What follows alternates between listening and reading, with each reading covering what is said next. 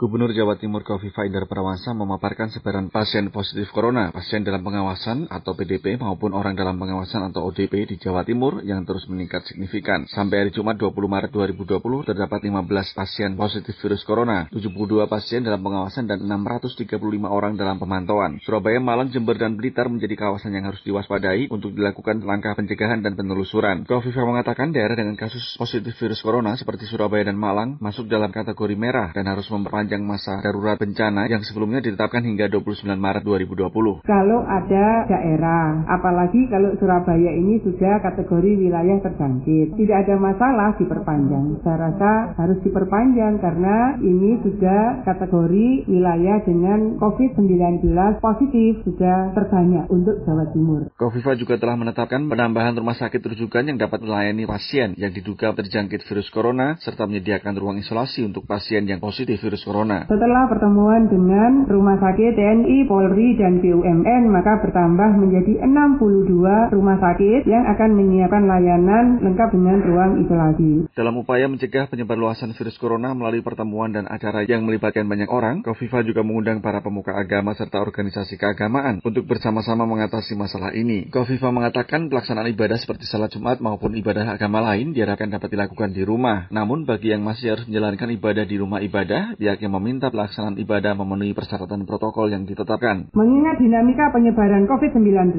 maka untuk pelaksanaan sholat Jumat minggu depan sebaiknya diganti dengan sholat zuhur di kediaman masing-masing. Sementara itu, Polda Jawa Timur menerjunkan tim khusus beranggotakan 16 orang yang disebut KBR atau Kimia, Biologi, dan Radioaktif untuk diperbantukan pada gugus tugas penanggulangan bencana virus corona Pemprov Jawa Timur. Kapolda Jawa Timur Irjen Polisi Luki Hermawan mengatakan tim ini akan diterjunkan selama dibutuhkan untuk membantu membantu mengantisipasi dan menangani kasus suspek atau orang yang terindikasi terjangkit virus corona. Tim ini akan menjadi bagian dari tim kuratif di samping tim preventif dan promotif serta tim tracking yang telah dibentuk. Untuk tim KBR, kimia, biologi, radioaktif, ini sudah punya kemampuan untuk menangani virus, untuk antisipasi terhadap suspek ataupun apabila ada ditemukan orang-orang di lapangan yang mungkin terindikasi daripada virus ini. Sehingga tim ini dengan perlengkapannya, dengan peralatannya, kita BKO-kan full per hari ini dari Surabaya, Jawa Timur, Petrus Rizky melaporkan untuk VOA Washington.